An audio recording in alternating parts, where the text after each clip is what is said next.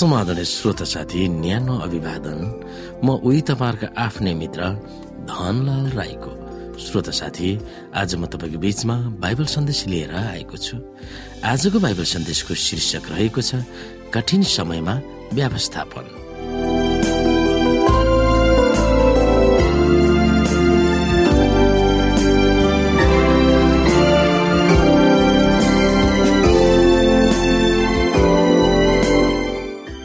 श्रोता साथी यो कठिन समयमा व्यवस्थापन भन्ने बाइबल सन्देशमा हामीले विशेष गरिकन अध्ययन गर्नुपर्ने बाइबलको पदहरू रहेको छ।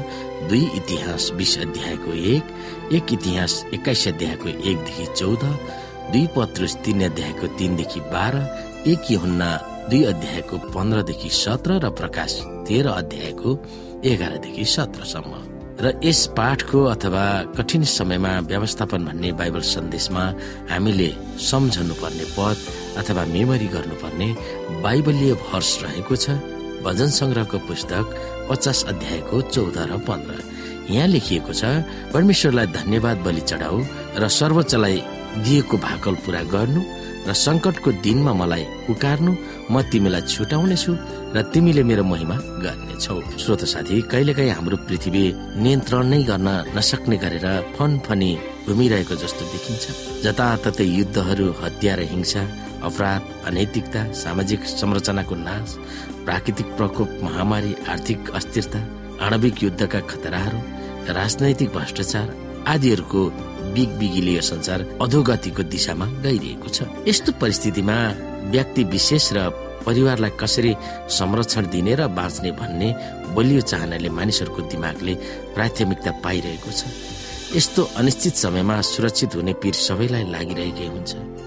यो स्वाभाविकै हो। हाम्रो जीवनको चिन्ता फिक्रीले दैनिक जीवनमा धेरै असर पारिरहेको हुन्छ। तिर्नुपर्ने ऋण तिर्न बालबालिकाहरूलाई हुर्काउन असल सम्पत्तिको व्यवस्थापन जस्ता आवश्यकताहरूले हाम्रो समय र सोचहरूलाई व्यस्त पार्दछन् अनि घाँस बाँस र कपासको निम्ति पनि फिक्री गर्नुपर्ने हुन्छ। ती आधारभूत आवश्यकताको बारेमा यसुले यसरी सम्बोधन गर्नुभएको थियो अन्य जाति वा परमेश्वरलाई विश्वास नगर्नेहरूले यी सब थोक खोज्दछन् र तिमीहरूका स्वर्गमा हुनुहुने पिताले तिमीहरूलाई यी सबै थोकको खाँचो छ भनी जान्नुहुन्छ। तर पहिले उहाँको राज्य र उहाँको धार्मिकताको खोजी गर यी सबै थोक तिमीहरूका निम्ति थपिनेछन्। मती छ अध्यायको बत्तीस र तेत्तिस। कठिन परिस्थितिहरूमा हामी परमेश्वरमा झन झन भरोसा राख्न सिक्नु पर्दछ। बाइबलका नीतिहरूको आधारमा परमेश्वरमा कसरी भरोसा राख्ने वा चल्ने भन्ने केही ठोस कदमहरू छन् तिनीहरूलाई हामीले पछ्याए हाम्रो हित हुन सक्दछ। श्रोता हामी जब बुझ्दछौ हाम्रो समयमा हामीलाई कठिन परिस्थितिहरू आइलाग्न सक्छ र आइरहेको छ। अहिलेको परिस्थितिमा भन्ने हो भने संसारमा विभिन्न किसिमको महामारीहरू महासङ्कट भूकम्पहरू रोग व्याधि यी सबै कुराले गर्दाखेरि मानिसहरूले कठिन समयमा आफ्नो जीवनलाई बिताइरहेको छ। यो परिस्थितिमा हामीले यो समयको यो कठिन समयमा हामी कसरी हाम्रो परिवारलाई हाम्रो समाजलाई हाम्रो मण्डलीलाई हाम्रो राष्ट्रलाई व्यवस्थापन गर्न सक्छौ? ती विषयहरूमा हामीले पूर्ण रूपमा सोच्नु पर्दछ।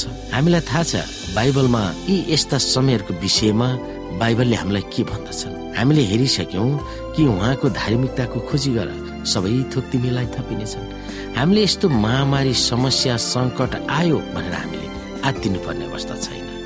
किनभने बाइबलले नै भन्दछ कि धार्मिकताको खोजी गर यी त सबै थोक तिमीहरूको लागि थपिनेछन्। पक्कै पनि श्रोता परमेश्वरको राज्य र उहाँको महिमाको निम्ति हामी तयारीका हातमा तयारीको जीवन जिउनु त्यो नै सबैभन्दा ठुलो कुरा हो। बाँकी दिनको समस्याको समाधान परमेश्वर आफैले गर्नुहुनेछ। किनभने हामी भन्दा महान परमेश्वर हुनुहुन्छ। हामीले हाम्रो व्यवस्थापनमा कति पनि चिन्ता फिक्री गरेर केही पनि गर्न सक्दैनौँ। तर परमेश्वरलाई थाहा छ हामी उहाँका सृष्टि उहाँका रचनाहरू हौ हामी उहाँका छोराछोरीहरू हौ हामी उहाँका प्रिय पुत्रहरू हौ र हामी उहाँका दास दासीहरू हौ ताकि उहाँलाई थाहा छ मानिस जातिको बीचमा परमेश्वरले कसरी काम गर्नुहुन्छ र कसरी काम गर्नुपर्छ र मानिसलाई कसरी आशिष दिनुपर्छ भन्ने कुरा उहाँलाई पूर्ण थाहा छ। तर श्रोता जसले हामी यो वचनलाई हामी पाउँदैनौँ जसले हामी परमेश्वरलाई विश्वास गर्न सक्दैनौँ संसारमा भइरहेका खतरापूर्ण सङ्केतहरूबाट हामी डराइरहेका हुन्छौँ हाम्रो मनहरू उथल पुथल भइरहेको हुन्छ हामी के गर्ने कसो गर्ने कहाँ जाने यी चिन्ताहरूले हामीलाई सबैजनालाई एउटा मानसिक रोगको शिकार बनाइरहेका छन् मानिसहरू दिनदिनै डिप्रेसनमा परिरहेका छन्। यी सबै कुरा सोचेर तर श्रोता हामीलाई यो सोच्नु आवश्यक छैन। किनभने हामीले हाम्रा कदमहरू ठिकसँग अगाडि बढाउँ हामी परमेश्वरमा भरोसा राखौँ बाइबलका नीतिहरूको आधारमा चलौँ। हामीलाई परमेश्वरले सही गन्तव्यमा सही बेलामा ठिक समयमा पुर्याउनु हुनेछ। यो नै हाम्रो लागि उचित समय हुन सक्छ। त्यसै कारणले श्रोता आज हामी जहाँ जसरी रहेका छौँ हामी परमेश्वरको महिमाको निम्ति पूर्ण रूपमा आफ्नो सारा हृदयले आफ्नो सारा शक्तिले सारा समाजले उहाँको सेवा कार्य र उहाँको महिमा र उहाँको उहाँले दिनुभएको जुन काम कर्तव्यहरू छन् यिनलाई हामी पालना गर्नुपर्दछ।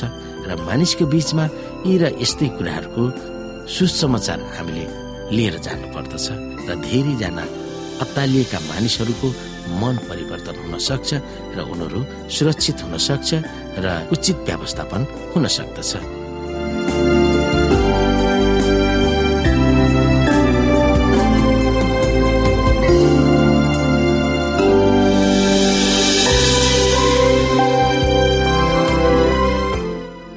श्रोता साथी आजको लागि बाइबल सन्देश यति नै। हस्त नमस्ते जय मसिंह।